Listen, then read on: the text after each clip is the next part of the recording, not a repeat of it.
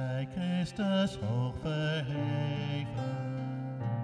God uit God en licht uit licht. Schepper van het goede leven, die uit God geboren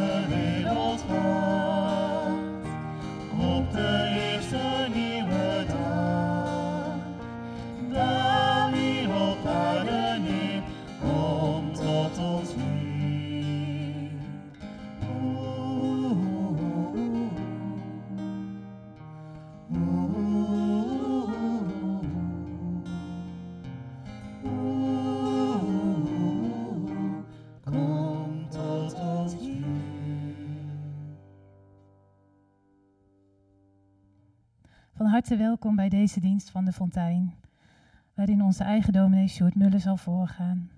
We kunnen vanmorgen niet samen zijn in het kristal, maar we mogen op deze vierde adventszondag wel met elkaar verbonden zijn in geloof en in vertrouwen. Sjoerd, wil jij de vierde kaars aansteken?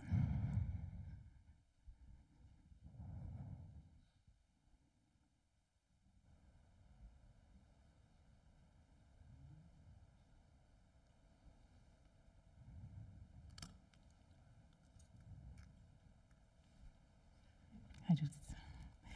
Jij gaat het vandaag ook met ons over Advent hebben. Wil je daar iets meer over vertellen? Ja, we gaan kerst weer ballen geven, zo gezegd. Nee, het gaat over eh, een vierde zondag van de Advent. Alle vierde kaarsen branden. Ehm, wat is Advent nou? Daar gaan we zo meteen eh, over nadenken. Waar staat dat nou precies voor? Waar staat kerst nog voor vandaag de dag? Is het alleen maar eh, eh, nou ja, lichtjes, hè, lichtjes aansteken hè, in de donkerste tijd van het jaar? Of is dat goed doen, hè, goed doen voor je naast, wat je op RTL 4 heel vaak ziet? Hè, nou, vooral heel veel mensen goed doen, postcode loterijachtige toestanden. Is de geboorte van Jezus, maar hoe dan? Moet je dat dan in je oren knopen als een soort herinnering van, oh ja, hij is, hij is ooit geboren en dat, dat was heel belangrijk, of hij komt ooit terug. Ik denk dat het nog veel verder gaat dan dat. Ik denk dat het, dat het dat kerstmis en dat advent en dat de geboorte van Jezus echt de essentie van ons bestaan raakt. En hoe dat precies in elkaar steekt, dat hoor je later. Dat horen wij straks. Uh, over de kerstdagen uh, kunnen wij nog niet heel veel mededelingen doen. U wordt uh, in, de of in de aankomende week op de hoogte gehouden via de mail en via de app hoe het met de diensten zal gaan. Um, ik heb nog de mededelingen over de collecte. de eerste collecte is een diaconale collecte. Omzien naar elkaar is een van de pijlers van een levende en betrokken gemeente. Juist in de periode rond kerst worden voor oud en jong bijeenkomsten en maaltijden georganiseerd. Samen zingen, luisteren en eten, een goed woord, een mooie versierde tafel of ruimte bieden warmte en licht in deze donkere dagen. Om dit ook voor mensen aan de rand van de kerk of buiten de kerk mogelijk te maken, vragen wij uw bijdrage voor de onkosten van deze activiteiten. En u begrijpt dat deze activiteiten aangepast zullen worden in verband met de huidige mogelijkheden. Um, de tweede collecte. Elk jaar doen meer dan 6000 jongeren verdeeld over 600 plaatselijke groepen mee aan de Kerstchallenge. Een spel van Jong Protestant, de jeugdwerkorganisatie van de Protestante Kerk. In de Kerstchallenge kruipen de jongeren in de huid van bijvoorbeeld de wijzen uit het oosten of de herders. Zo ervaren ze het bijzondere kerstverhaal van binnenuit en ontdekken ze waarom God zich verbonden heeft met kwetsbare mensen en dat Hij voor ons een leven van vrede mogelijk maakt. Um, gisteravond hebben, gisteren hebben ook jongeren van onze gemeente hier aan deelgenomen. Uh, de collecte kunt u via de Church-app geven en uh, via de eh, QR-code of het rekeningnummer wat tijdens de collecte in beeld zal verschijnen. Dan wil ik nu graag met jullie bidden. Lieve Vader in de hemel, wij willen u danken dat het zondag mag zijn, dat het advent mag zijn. Heer, we kunnen niet zoals we het graag gewild hadden bij elkaar in het kristal zijn, maar we zijn wel met elkaar verbonden door u, Heer. Dank u wel daarvoor, dat wij toch een dienst, een viering mogen hebben ter ere van u. Heer, wij willen u danken dat deze dienst mogelijk gemaakt wordt door heel veel mensen, wil met hen zijn, wil hen zegenen tijdens alles wat zij deze dienst moeten doen, mogen doen. Wil ook met Sjoerd zijn als hij uw woord gaat verkondigen. Heer, wees met een ieder van ons. U kent ons hart, u weet wat er in ons hart speelt, waar wij aan denken, waar wij mee zitten of waar wij blij mee zijn. Wees met ons, geef ons een open hart. Heer wil dat wat verkeerd is wegnemen en wil met uw licht en uw liefde stralen in ons hart en in onze huizen, zodat ook wij daarvan iets mee mogen nemen in het leven weer in. Wij vragen u dit in Jezus' naam. Amen.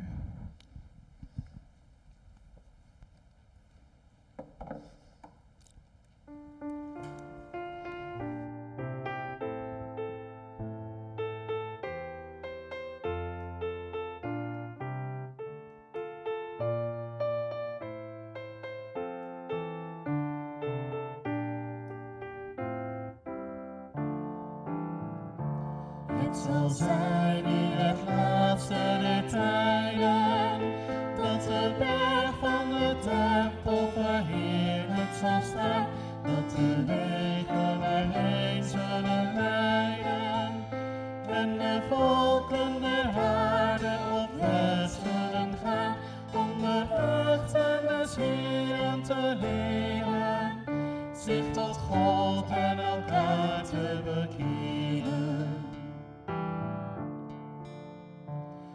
Jeruzalem stenen gaan blinken en de schamen der bergen en heuvelen tot zal van Sion uit pleinen weer. Het bevrijdende woord van het koninkrijk God tot bescherming van allen die leven staat de wet van Gods heilig geschreven. Spitsen van het huis onze zielen. Maakt het zwaard tot een ploegzwaar, de speer tot een zicht. Niemand zal meer een wapen hanteren. Maar zij groeten elkaar in het heldere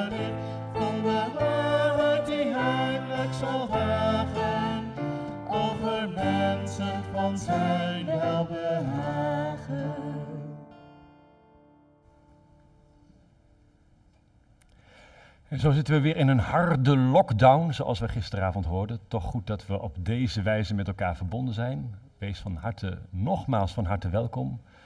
Vanaf het bankstel, vanaf de laptop, vanaf de iPad of vanaf wat dan ook. Weet dat we door de geest met elkaar samen zijn. Ook al bent u hier niet fysiek in de zaal, u bent er toch wel door de kracht van God. Zullen wij eerst hier in deze zaal en bij u thuis samen stil worden? En in die stilte proberen te luisteren naar de stem van God.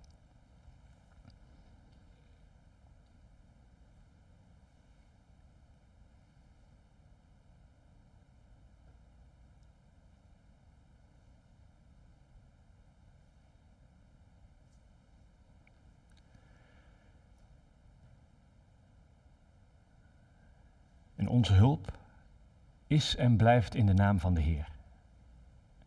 Die de hemel en de aarde gemaakt heeft en die trouw blijft tot in eeuwigheid en het werk van zijn handen nooit loslaat.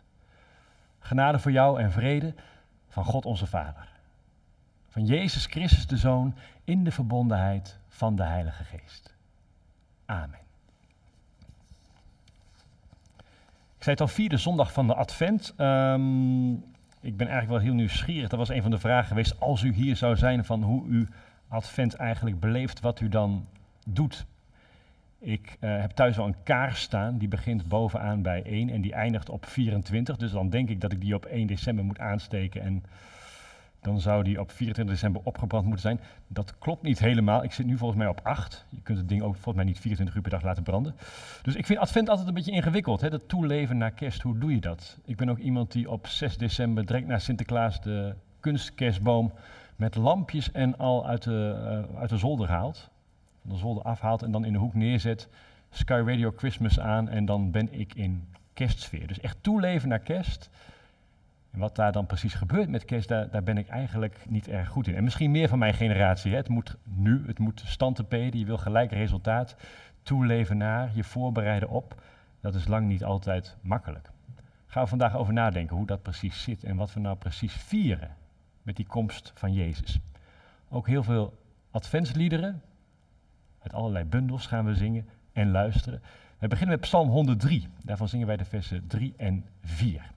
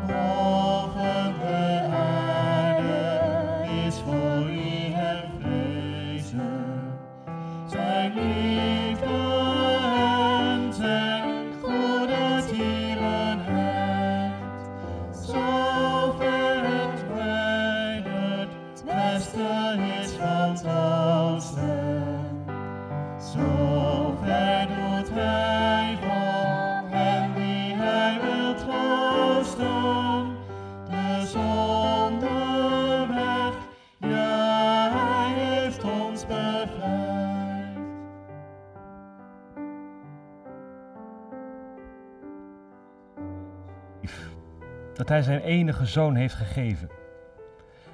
Opdat iedereen die in hem gelooft niet verloren gaat, maar eeuwig leven heeft.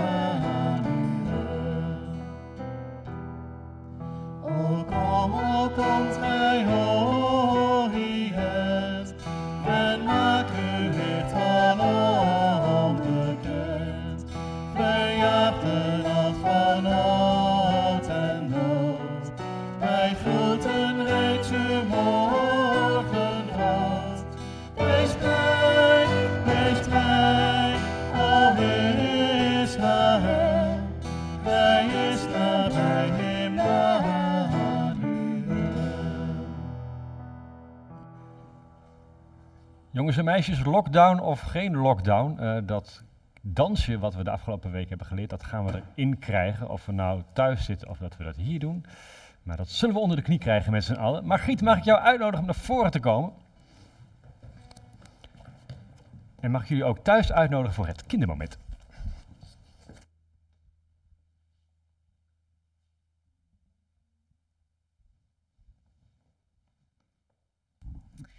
Ja, hoi kinderen thuis. Hier zijn Mirre en Margriet. Vinden jullie het ook zo enorm jammer dat we niet samen kunnen zingen en dansen en muziek kunnen maken? Nou, wij wel hoor, maar wees niet eh, be- bedroefd, want eh, straks na de dienst gaan Mirre en ik het dansje, eh, de twee dansjes, zingen en dansen. En daar gaan we een filmpje van maken, die komt op YouTube. En dan kan je thuis lekker oefenen, zoals de dominee ook al zei. Dus hopelijk kennen jullie dit liedje nog wel. Ga lekker staan. Oh, ben je er klaar voor? Dan gaan we dat liedje lekker zingen en dansen. En dan eh, laten je papa en mama nog wel weten wat we volgende week doen. Oké? Daar gaan we.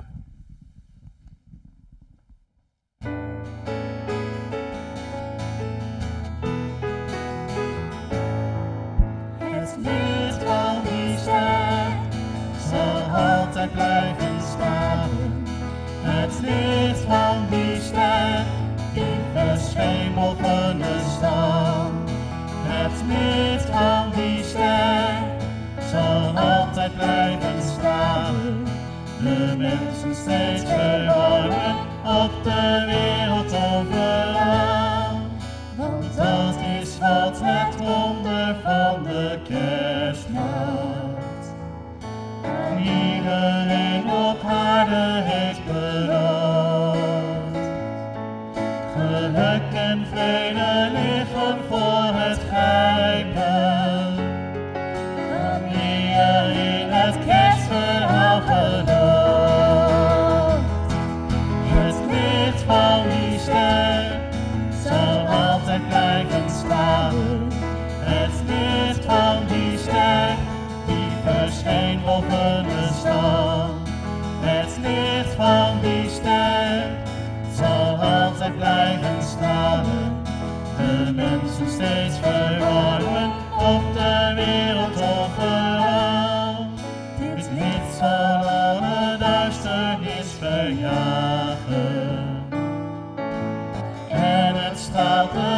de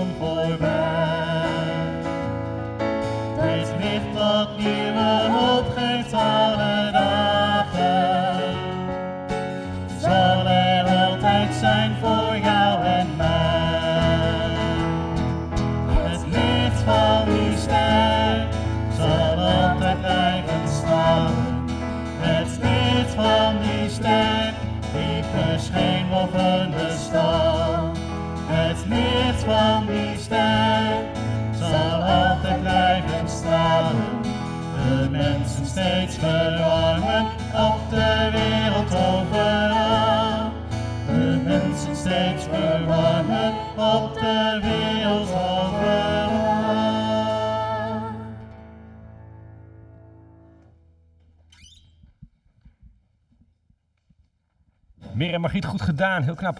Eh, Lotte, volgens mij neem jij de kinderen hier nu, eh, nu mee, hè? Perfect. Goed dat je dat doet. Lotte die gaat hier eh, met de kinderen aan de gang. Kerstverhaal uitleggen. Tot zometeen, ik haal jullie zo op. Wij gaan God groot maken in onze lofprijzing, in onze aanbidding, in de liederen die we zingen en waar we naar luisteren. Misschien hebben we dat wel juist nu nodig, hè, met het nieuws van gisteravond, dat alles weer op slot gaat. Tot 14 januari, dat is een hele tijd. Een van de belangrijkste momenten, de belangrijkste feesten van de kerk kun je dus niet samen vieren. Dan heb je God nodig om, ja, ik denk als een soort baken van rust, voor vertrouwen, voor zijn liefde, voor zijn kracht. En dat komt er best tot uiting, niet in een preek, niet in gebeden, maar door te zingen. Ik hoop dat jullie thuis mee kunnen zingen, dat jullie geraakt worden door de liederen die we zingen, die we spelen, dat het je op mag tillen. Dat het je iets van God zelf mag laten zien. We gaan luisteren naar Ik wil juichen en jubel het uit, oftewel Joy to the World.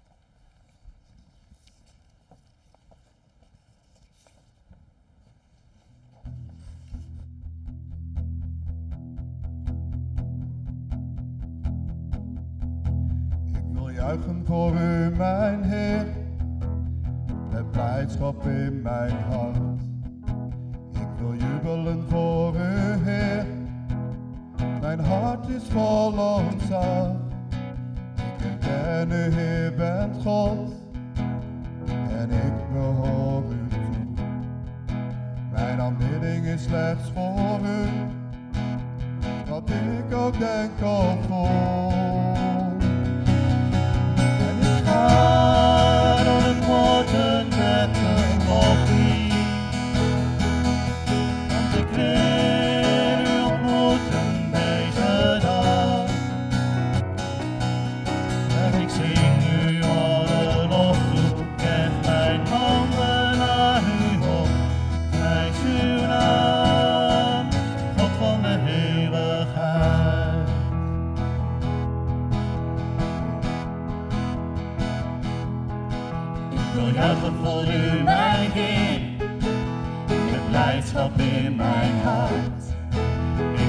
Wil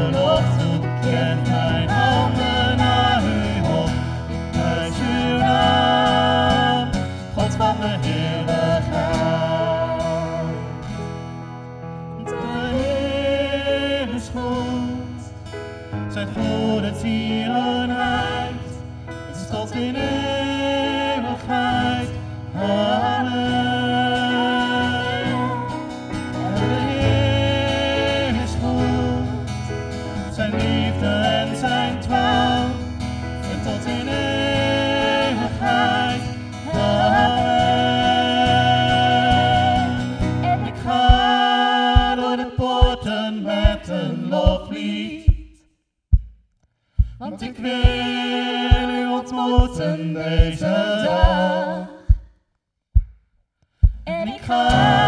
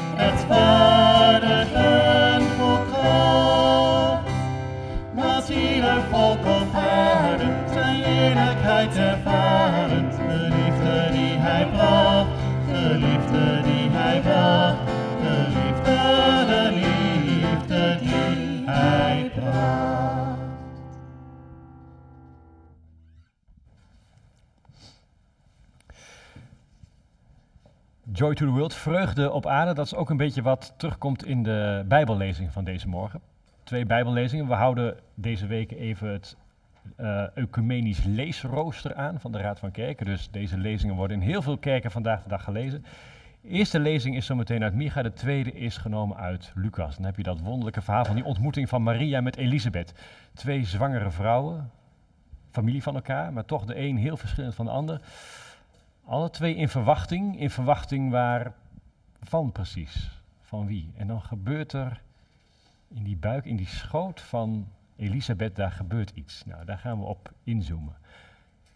Is dat vreugde? Hè? Het kind springt op uit vreugde. Wat is die vreugde dan precies? Daar gaan we over nadenken. Wij gaan eerst bidden om de geest van God. Zullen wij dat samen doen?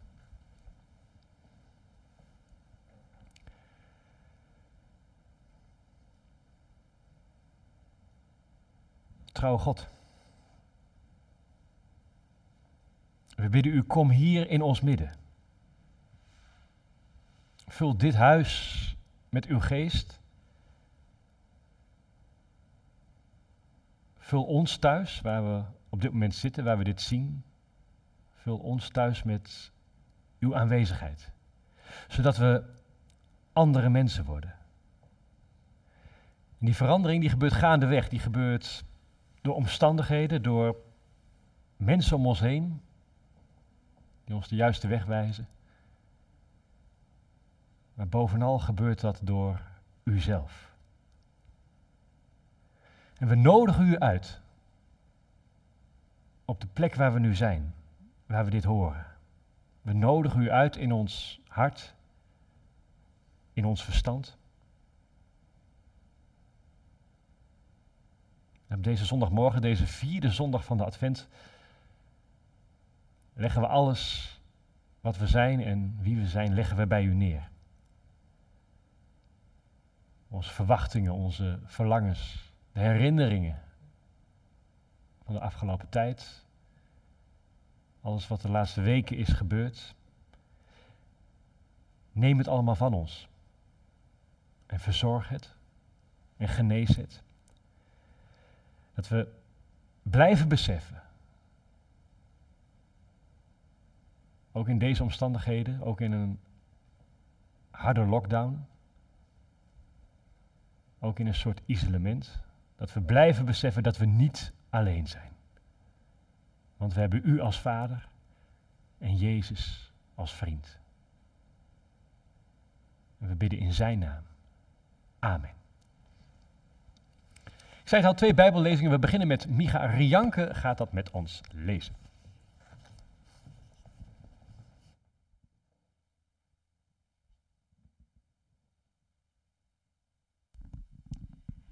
Ik ga beginnen uit Micha 5, vers 1 tot met 6. Uit jou, Bethlehem in Efrata, te klein om tot Juda's geslachten te behoren. Uit jou komt iemand voort die voor mij over Israël zal heersen. Zijn oorsprong ligt in lang verlo- vlogen tijden, in de dagen van wel eer. Totdat de vrouw die zwanger is haar kind heeft gebaard, worden zijn broeders aan hun lot overgelaten. Daarna zullen wie er nog over zijn terugkeren naar de andere Israëlieten. Hij zal aantreden hen en hen als herder wijden. Bekleed met de macht van de Heer zijn God, met de majesteit van diens verheven naam. Zij zullen veilig wonen, want hij zal heersen tot aan de einde der aarde. En hij brengt vrede. Wanneer Assyrië ons land binnenvalt en zijn voet in onze paleizen zet, zullen wij zeven herders doen opstaan. Ja, acht vorsten uit de mensen gekozen. Met het blinkend zwaard zullen zij Assyrië kaalslaan, met blinkende wapens Nimrod vernietigen. Hij zal ons bevrijden van Assyrië, wanneer het ons land binnenvalt en onze grenzen overschrijdt. En wat er van Jacob is overgebleven te midden van machtige volken, zal zijn als dauw die van de Heer komt, als regendruppels op het groen, dat niets verwacht van de mens en niet naar mensenkinderen uitziet. De volgende lezing is uit Lucas 1 en beginnen bij vers 39. Kort daarop reisde Maria in grote haast naar het bergland, naar een stad in Juda, waar ze het huis van Zacharias binnenging en Elisabeth begroette. Toen Elisabeth de groet van Maria hoorde, sprong het kind op in haar schoot en ze werd vervuld met de Heilige Geest en riep luid: De meest gezegende ben jij van alle vrouwen, en gezegend is de vrucht van je schoot. Wie ben ik dat de moeder van mijn Heer naar mij toekomt? Toen ik je groet hoorde, sprong het kind van vreugde op in mijn schoot. Gelukkig is zij die geloofd heeft dat de woorden van de Heer in vervulling zullen gaan. Tot zover de schriftlezingen.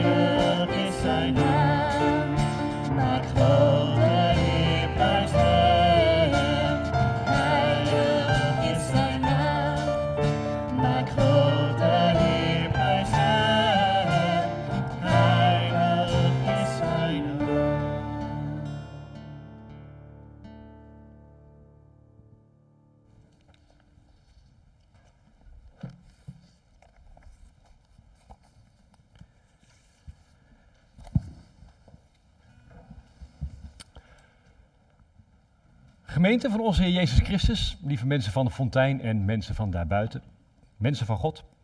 Ehm, ergens in de opleiding voor predikant, ergens in de opleiding theologie, eh, moest ik een film kijken. Dat zijn altijd makkelijke studiepunten, hè? film kijken, daar een verslag van maken en kassa.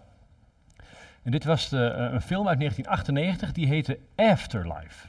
En Afterlife, dat is een Japanse film een beetje in de arthouse hoek. Ik vond het altijd een beetje moeilijke films voor moeilijke mensen, dus ik zou er normaal gesproken niet opgekomen zijn. En Afterlife, dat gaat over ehm, mensen die overleden zijn. Japanse film. En de mensen die overleden zijn, die komen in een soort hiernamaals. En dat hiernamaals, dat is een soort, ja, een soort verzamelplaats met een soort, met een soort receptie, een soort balie. En bij die balie, daar komen ze dan en daar mogen ze dan aangeven welk moment uit hun leven ze voor altijd zouden willen beleven. Er is één moment, één herinnering. Die mogen ze dan doorgeven aan die mensen. Daar wordt dan een soort scène van gemaakt, dus dat wordt gerecreëerd. En er wordt dan een foto van gemaakt. En op het moment dat die foto wordt genomen, dan blijf je voor altijd in dat moment. In dat gelukkige moment.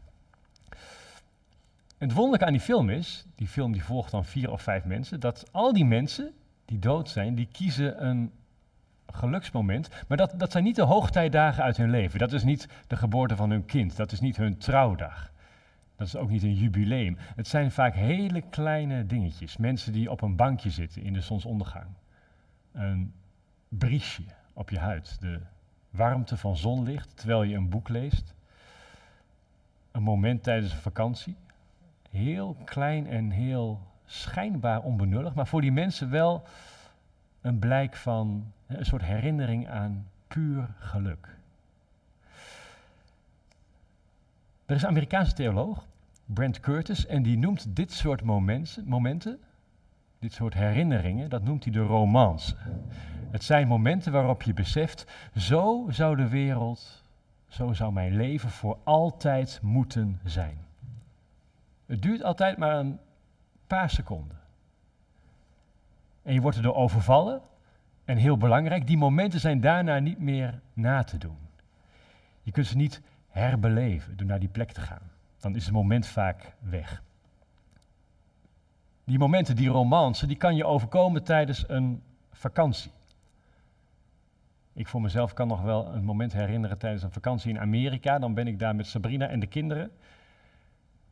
En dan zie je een, iets prachtigs in de natuur, bijvoorbeeld mooie bossen, mooie bergen.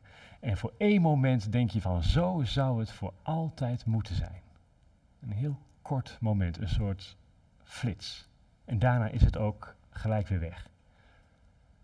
Ik had laatst ook toen ik Gijs van een afstandje zag spelen op het schoolplein. Gijs, mijn zoontje van tien, die was verstoppertje aan het spelen en ik moest een tas afbrengen en afleveren op school. En ik zat in de auto en ik zag hem daar bezig en ik werd opeens overvallen door een soort vlaag van emotie, een vlaag van geluk, zo zou ik het willen noemen. Dat je even de dingen ziet zoals ze echt zijn. Een gevoel dat je voor altijd wil vasthouden, maar dat je een paar seconden later weer door de vingers glipt. En die romance, die momenten die rollen af en aan in je leven. Als een soort eb en vloed. En die momenten, en ik hoop dat je die momenten herkent. Ga ook bij jezelf eens na of je dat inderdaad ook zo hebt beleefd. Die momenten zijn ergens van levensbelang. Het heeft, zonder dat je dat helemaal kunt verklaren of kunt begrijpen, het heeft te maken met het diepste verlangen van je hart. Maar onder woorden brengen lukt je vaak niet.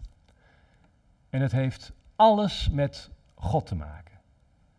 Want het is van God afkomstig. Al het goede wat ons overkomt, al het goede in ons leven is van God afkomstig, zegt de Bijbel al. En ik geloof dat dit soort ervaringen, dit soort geluksmomentjes, dat die door God gegeven zijn om ons naar huis te roepen. Het is niet je eigen verlangen, het is niet je eigen passie, daar is het te, te ongrijpbaar voor. Het zijn flarden van het paradijs. Van het leven zoals het zou moeten zijn. Vrede, vreugde. Het zijn al die kerkelijke termen die je met Advent en Kerst zo vaak hoort, maar die hebben met deze romance, met die momenten te maken. Dat is één, dat is de ene kant. God trekt ons naar huis. God trekt ons naar Hem toe door die momenten. Maar daarnaast is er een strijd aan de gang. Daarnaast is er de kwade macht van Satan, ja, die bestaat. De kwade macht van de duivel, die er alles aan zal doen om te voorkomen dat wij naar God toegetrokken worden. En er zijn dus feitelijk maar twee dingen in ons leven die ons echt heel diep in ons hart kunnen raken. De ene is die romans. Schoonheid. Door God erin gelegd. Het tweede, wat ons heel diep kan raken, is pijn. En pijn in je leven zorgt altijd voor twijfels. Twijfels over jezelf. Voldoe ik wel? Kan ik dit wel? Ben ik uit het juiste hout gesneden? Of twijfels over een ander. Kan ik hem of haar echt vertrouwen? Houdt hij of zij echt van mij? Of sta ik er uiteindelijk helemaal alleen voor? En die pijn, dat lijken wel pijlen die ons kunnen raken. En die pijn wordt veroorzaakt door een opmerking of door een daad van liefdeloosheid, maar het doet veel schade. Het doet veel schade aan ons hart. En iedereen die kijkt, en iedereen die dit ziet of hoort, die kan erover meepraten. Want die is ergens gewond geraakt in zijn of haar leven.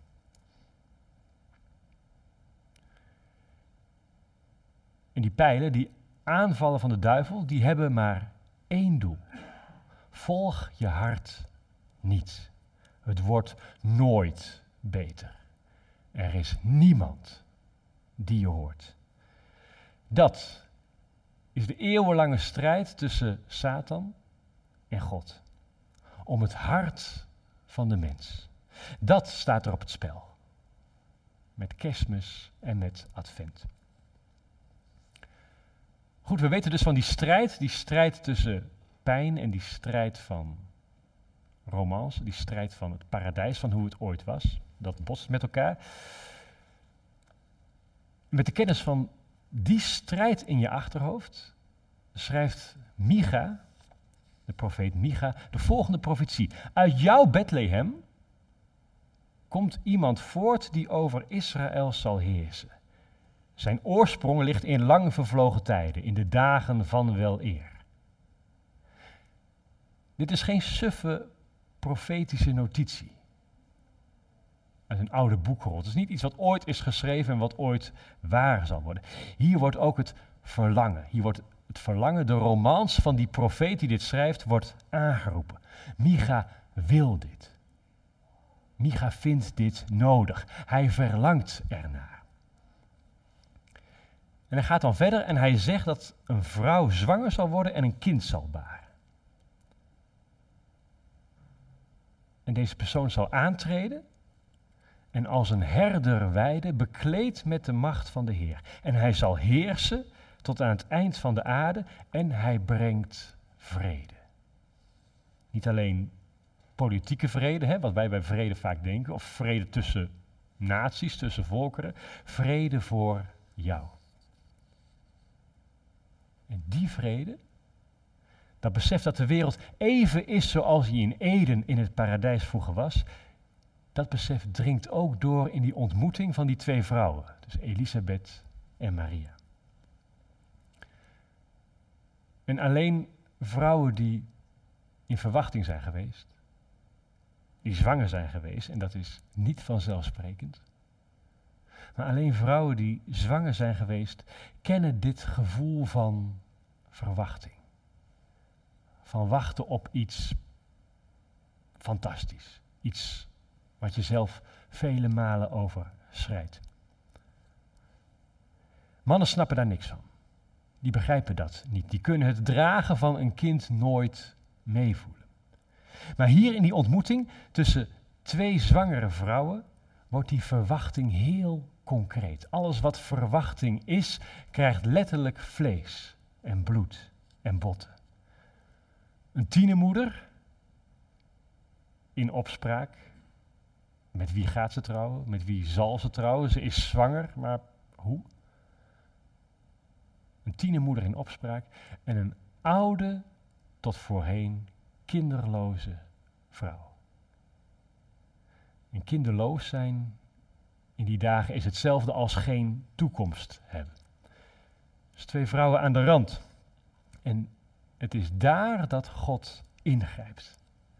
Gods geest grijpt in, zo lezen we. De geest overvalt Elisabeth, de, geest komt in Elisabeth. Die wacht dus blijkbaar niet op het Pinksterfeest, nee, hij komt nu al. En het kind Johannes springt op als een soort teken van herkenning, van erkenning. En Elisabeth die roept het uit, jij bent de meest gezegende van alle vrouwen en gezegend is de vrucht van je schoot. Mijn kind springt van vreugde op in mijn buik. Waar gaat het nou om? We hebben vier kaarsen aangestoken. Wat staat er nou op het spel bij Advent? Is dat de geboorte van Jezus vieren? Is dat vieren dat Hij eens lang geleden gekomen is? Ik vind het toch heel lastig om dat te blijven volhouden. Ik moet heel erg doen alsof. Dan moet ik me weer inprenten hoe dat, hoe dat was daar vroeger in die stal en met die herders. In die toestand. Terwijl kerst toch vooral ook een soort sleur kan worden. Tenminste voor mij wel. De drukte, de lichtjes, de muziek, de kerstfilms op Netflix en op televisie, alles eromheen. Het gaat ieder jaar maar eigenlijk op dezelfde voet verder. Is dat kerstmis? Of is het misschien het licht? Het licht dat doorbreekt in onze duisternis. Zoals heel veel kerken tegenwoordig vertellen. Licht. Het zal vast heel symbolisch zijn en het zal vast wel ergens op slaan, maar ik heb er niets mee. Ik wil geen licht, ik wil gered worden. Gered van mezelf. En gered van mijn eigen onvermogen. Gered uit een dolgedraaide wereld. Die kapot gaat aan alles en iedereen.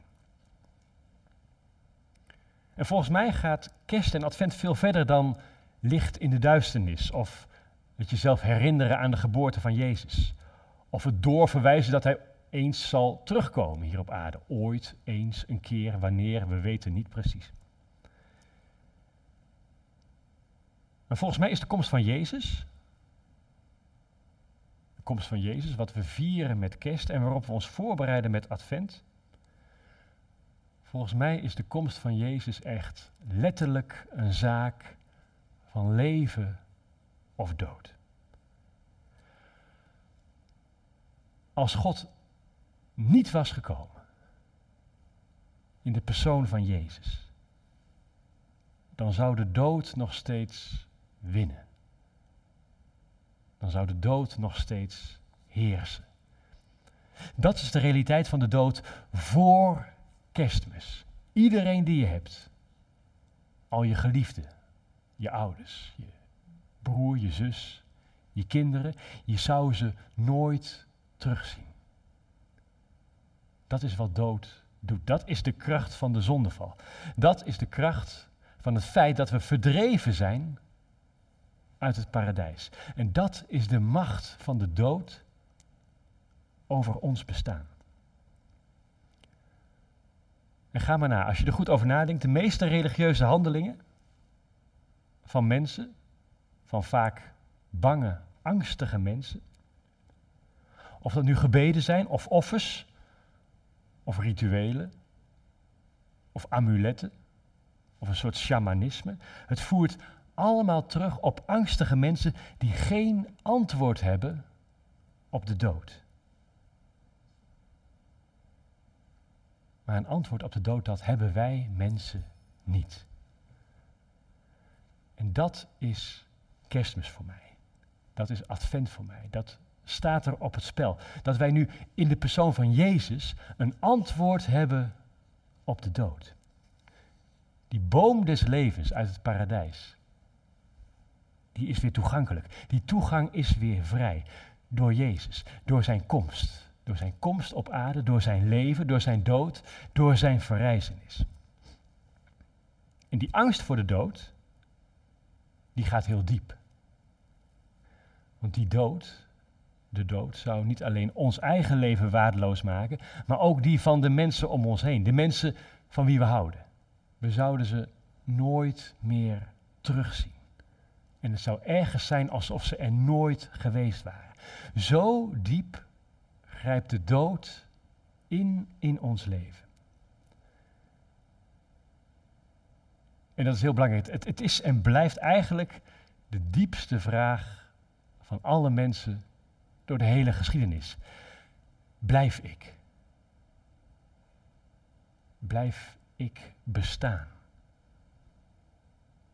Blijf ik bestaan en alles en iedereen die ik lief heb, blijft dat bestaan na de dood. Door de dood heen. En we gaan heel vaak aan die angst, aan die doodsangst voorbij. Want we zijn heel erg druk. We zijn heel erg druk met onszelf. We zijn heel erg druk met alles wat ons afleidt. Onze eigen carrière, ons eigen geluk, onze eigen kinderen, onze eigen gezondheid. We kunnen die gedachten en we kunnen die angst, die kunnen we heel lang uitstellen. Maar je wordt er toch altijd in je leven telkens weer mee geconfronteerd. In ziekte. In ziekte en in overlijden. En we zijn bang geworden. Bang geworden voor ouderdom. Bang geworden voor verlies. Bang geworden voor afbraak. En heel veel kerken hebben vandaag de dag een soort heigerigheid naar nieuw naar jeugd, naar jongeren, naar jonge gezinnen. Maar ik zeg dat de kerk bij uitstek een plaats moet zijn waar je oud kunt worden. Waar je oud mag zijn. Een plaats waar je kunt gedijen, waar je vreugde vindt, waar je rust vindt. En waar je ten diepste dus ook een antwoord vindt op de dood. En dat antwoord, zo geloven wij, is Jezus. En dat antwoord, dat moet je eigen maken. Dat moet je inoefenen, week na week. En dat moet je niet alleen doen, maar dat moet je samen doen. Dat is kerk. Eeuwig leven. Eeuwig vreugde. Voor jou, door Jezus. Als Jezus niet was gekomen met kerst, dan had de dood nog steeds gewonnen. Als Jezus geen mens was geworden, niet had geleefd, niet had geleden en niet was gestorven en niet was opgestaan, als het plan van kerstmis, als het plan wat God met kerstmis had, niet was geslaagd, dan was de dood het alles vernietigende einde. Dan was je leven vrijwel zinloos. Want je eigen leven en dat van de mensen om je heen, dat zou je allemaal kwijtraken. Dat is wat de dood doet. Dat is wat de dood is. En als er geen antwoord is op de dood, dan doet geen enkel ander antwoord in ons leven ertoe. De dood ontkent alles wat in ons leven belangrijk is. En die dood was de realiteit van het leven na Ede, na het paradijs. En met kerstmis, en dat vieren we, met kerstmis wordt die dood verslagen. Daarvoor kwam die engelenmacht naar beneden, in dat veld met die herders. Dat gebeurt nooit in de Bijbel, dat ze met zoveel, zo'n leger scharen aan engelen bij elkaar zijn. Maar hier gebeurt iets wezenlijks. Hier gebeurt iets van het allergrootste belang. Immanuel, God met ons. God als antwoord op alles wat ons kan doden, alles wat ons vasthoudt. Dat staat er op het spel met kerst. En dat staat er op het spel in je geloof. Geloof en kerk is niet een zinvolle besteding van je zondagmorgen. Het gaat niet om hoe je omgaat met tegenslag of hoe je omgaat met verdriet of met ziekte. Het gaat ook niet om goed doen voor je naaste. Om goed doen voor de wereld om je heen. Dat kan wel een gevolg zijn, maar daaronder, een laag daaronder, staat ons eigen leven op het spel. Meer dan dat zelfs. Waarom we hier zijn. Op deze aarde. Wat we hier doen. Wie ons maken tot wie we zijn. Alles moet gered worden. Maar het is geen hobby, ons geloof. Het is ook geen karaktereigenschap. Iets wat de een wel heeft en de ander niet. Het is echt een zaak. Op leven en op dood. En die dood, de dood, was niet het plan. Die dood was niet het idee van God. Het was ook geen noodzakelijkheid. Nee, in het begin was alles goed. En de dood is gekomen door de ongehoorzaamheid van de mens. De mens die ingaat tegen de bestemming die God voor ons had. Wij wilden en willen niet luisteren. En zo is de dood in de wereld gekomen. En het wonder van kerst is dat daarmee wordt afgerekend. Door dat kleine kind in die voederbak.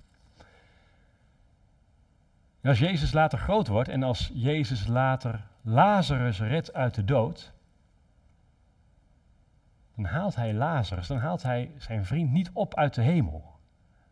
Hij haalt hem niet op uit een soort paradijs. Het Joodse dodenrijk, Sheol, zoals het heet, en het Oude Testament, lees de psalmen maar op na, het Oude Testament staat er vol mee, dat dodenrijk in het Jodendom is een soort geestenwereld, een soort schimmerrijk. Naar, grauw, grijs, vlak, ellendig, vaag. Uit dat dodenrijk wordt Lazarus geroepen, wordt Lazarus gered. In die realiteit leeft en werkt Jezus. Met dat dodenrijk rekent Jezus af.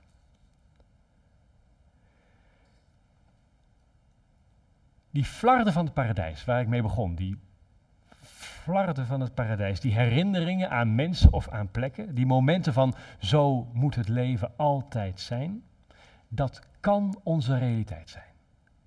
Die momenten kunnen eeuwig duren. We maken even een sprongetje naar Openbaring, laatste Bijbelboek, Openbaring 22. Apocalypsis Jezu Christu heet het in het Griekse, openbaring. De onthulling, zo heet het boek eigenlijk, de onthulling van Jezus Christus. En dan gaan we heel even naar hoofdstuk 22. Daarin zegt Johannes dit. Hij liet me een rivier zien met water dat leven geeft. In het midden van het plein van de stad en aan weerskanten van de rivier stond een levensboom. Ah, daar is hij weer. Die boom van vroeger in het paradijs. Die boom staat natuurlijk niet voor niets. Zo heeft God het leven bedoeld. Eeuwig leven. En dan schrijft Johannes verder: een levensboom die twaalf vruchten gaf. Elke maand zijn eigen vrucht. En de bladeren van de boom brachten de volken genezing. Openbaring 22. Daar gaat openbaring over. Nog niet eens zozeer over eindtijd of over vaccineren of over het getal van het beest. Nee, het gaat over de terugkeer naar Eden. De terugkeer naar het paradijs. Het herstel van het paradijs door Jezus alleen. Jezus, de beloofde, lang verwachte Messias. Daarvoor heeft God ons gemaakt. Dat was zijn begin, zijn eerste idee toen hij de wereld schiep. Eerste idee van het paradijs. Om samen met hem te regeren, om samen met hem te leven, om samen met hem te wandelen. Daarvoor zijn we gemaakt. Daarvoor bestaan wij. Daarvoor leven wij. En Eden, het Eden in Genesis, is nog maar een deel van de schepping. In openbaring aan het eind is het alles in alle. Johannes ziet alle volkeren. En ze komen overal vandaan. Hij ziet een heel nieuwe wereld. Een nieuwe hemel, een nieuwe aarde. Zo ver gaat het werk van Jezus. Zo ver gaat zijn plan. En zo ver gaat zijn redding die hij jou hier en nu en op ieder moment aanbiedt. We kunnen terug naar Eden. Terug naar het paradijs. Dat is Advent. Dat is kerst. Amen.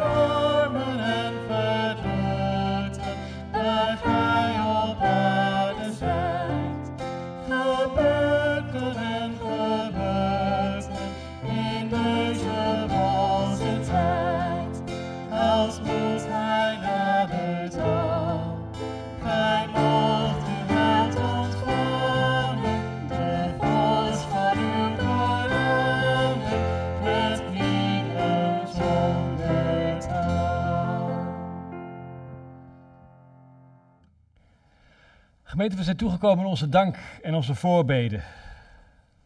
Wij willen in de eerste plaats bidden voor Bert en Annie van der Scheur. De vader van Bet is onlangs overleden. Maar had hij ook corona. We bidden voor Bet en voor Annie. Annie is net terug uit het ziekenhuis, daar was zij opgenomen. Uh, daar had ze ook de eerste kuur gehad. Het, daar waren allemaal complicaties bij. Ze is inmiddels weer thuis. We hopen dat ze snel opknapt, dat ze zich snel beter voelt. Maar de familie van de Scheur zit nu wel in zwaar weer. Wij bidden voor hen. We bidden dat God troost mag geven aan Bed rondom het overlijden van zijn vader. Troost ook in deze situatie waar het gezin nu in zit, Bet en Annie. De kring rondom hem. Dat er genezing mag zijn, dat er kracht mag zijn. Dat ze ergens de liefde van God mogen blijven ervaren in alles wat ze nu meemaken. We zijn dankbaar voor de geboorte van Koen Hanekamp. Koen Manuel Hanekamp, een paar weken geleden geboren. Het is de zoon van Wiljan en Rineke Hanekamp. Mensen die nieuw zijn in de gemeente. Wees van harte welkom binnen de fontein. We hopen dat je dit ziet. Binnenkort kom ik of iemand anders een keer langs om uh, Koen in levende lijven te aanschouwen. We bidden voor opvoeding van Koen. Dat jullie goed mag gaan, dat jullie gezegend mogen zijn met Koen in jullie leven. Wij bidden voor Nederland. ik heb een kriebel in de keel. bidden voor Nederland. Nu nieuwe lockdown is afgekondigd. Alles weer terug naar de eigen woonkamer. Erop uitgaan is er eigenlijk niet meer bij. Samen kerk zijn is er eigenlijk niet meer bij. Alle plannen die we met kerst hadden, kunnen eigenlijk weer de ijskast in. Dat kan zwaar aankomen bij heel veel mensen. Mensen die al eenzaam waren, die zich al eenzaam voelden, die gaan een zware tijd tegemoet. Mensen die plannen hadden gemaakt voor een bezoek, voor een visite, voor vakantie. Dat gaat allemaal niet door. We willen vragen of God daarbij aanwezig is, of hij ons mag dragen. Dat we niet de moed verliezen, dat we niet boos worden of wrokkig worden, dat we niemand de schuld gaan geven. Maar dat we deze tijd doorkomen. Dat we deze tijd uitzingen, zo goed en fatsoenlijk mogelijk, met Gods hulp. We bidden voor onze gemeente, voor alle plannen die we hadden voor de komende weken, dat het toch op een bepaalde wijze door mag gaan, dat Gods geest en Gods werk door mag gaan de komende weken, de komende dagen. Wij bidden eerst voor ons eigen leven, waarin van alles spookt, waarin van alles speelt. Wij leggen alles bij God neer. God zal ons horen, God zal ons verhoren, God zal ons helpen. Zullen wij eerst samen stil zijn, daarna ga ik u voor.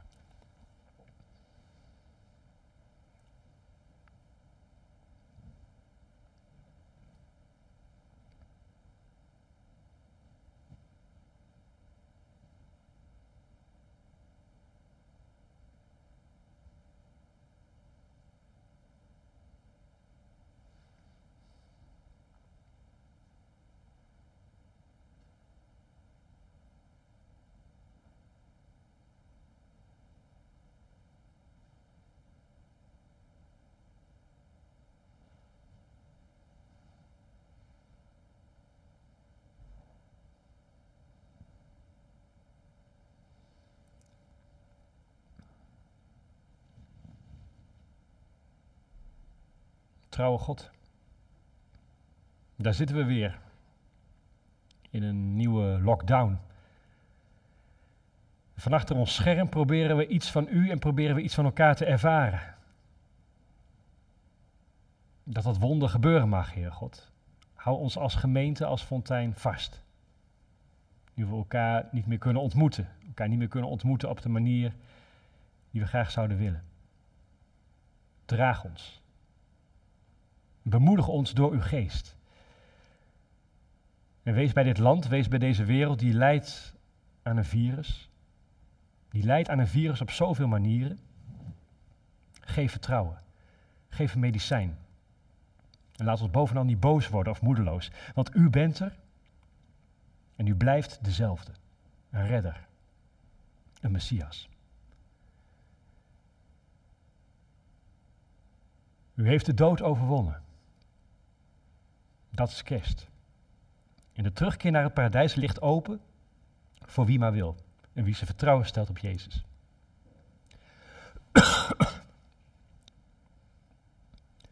Dat is het wonder van dat kind in die kribbe.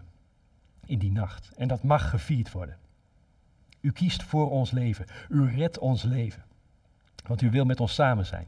U wil met ons samen wandelen, samen regeren in een nieuwe hemel en een nieuwe aarde.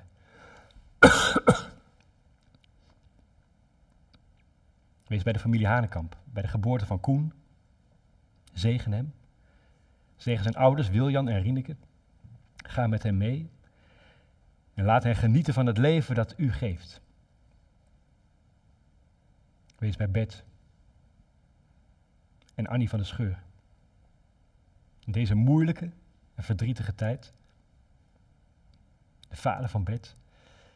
De gezondheid van Annie. Wees aanwezig. Wees daar aanwezig met uw kracht, met uw trouw, met uw genezing, met uw liefde. Wees zo, Heer God, bij onze dromen, onze wensen. Dat we het overleggen met U, dat we onszelf door U laten dragen. Dat we meer en meer op Jezus gaan lijken, in wie we zijn voor de ander, in wat we doen. Iedere dag kiest U voor ons. Iedere dag biedt U redding. Iedere dag biedt U een antwoord op de dood, op alles wat ons vasthoudt, in de persoon van Jezus. En als U iedere dag voor ons kiest, laat ons dan iedere dag voor U kiezen. Geef zo uw rijke zegen in uw naam, Heer Jezus. Amen. Zometeen komen de collecten in beeld. Geef van harte, geef gul en daarna zijn we bij ons slotlied aangekomen.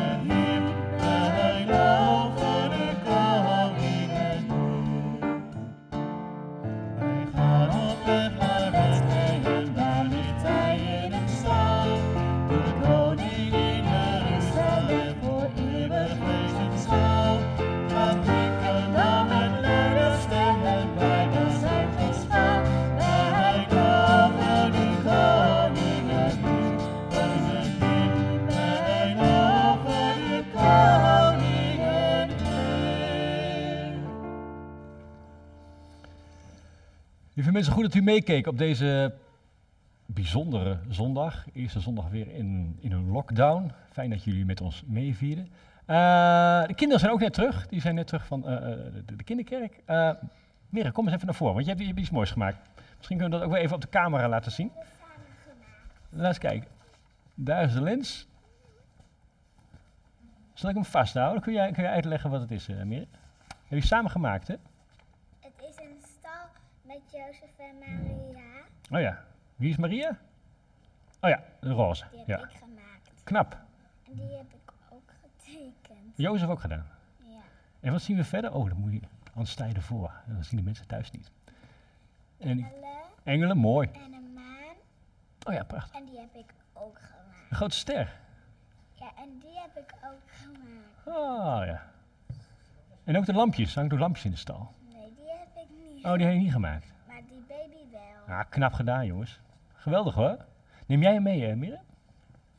Geweldig, dankjewel. Dat is wat kerst is. Mooi gemaakt. Lieve mensen hier, mensen van de muziekgroep, dank jullie wel. Het was allemaal heel snel schakelen even naar gisteravond. Dus eh, ook de mensen hier hebben heel hard gewerkt om dit allemaal weer mogelijk te maken. En u bedankt voor het meevieren, voor het meekijken. Blijf betrokken op elkaar, blijf betrokken op, het, op de gemeente, blijf betrokken op het werk van de geest. Het werk van Jezus wat doorgaat. Geen lockdown of wel een lockdown, maatregelen of geen maatregelen. Zijn koninkrijk dat komt. Les best de zegen van de Heer, van de Heer onze God die wij mogen beamen. De Heer zegent jou en Hij behoedt jou. En de Heer doet zijn aangezicht over je opgaan en is je genadig. En de Heer verheft zijn gezicht over jou en geeft je zijn vrede. Amen.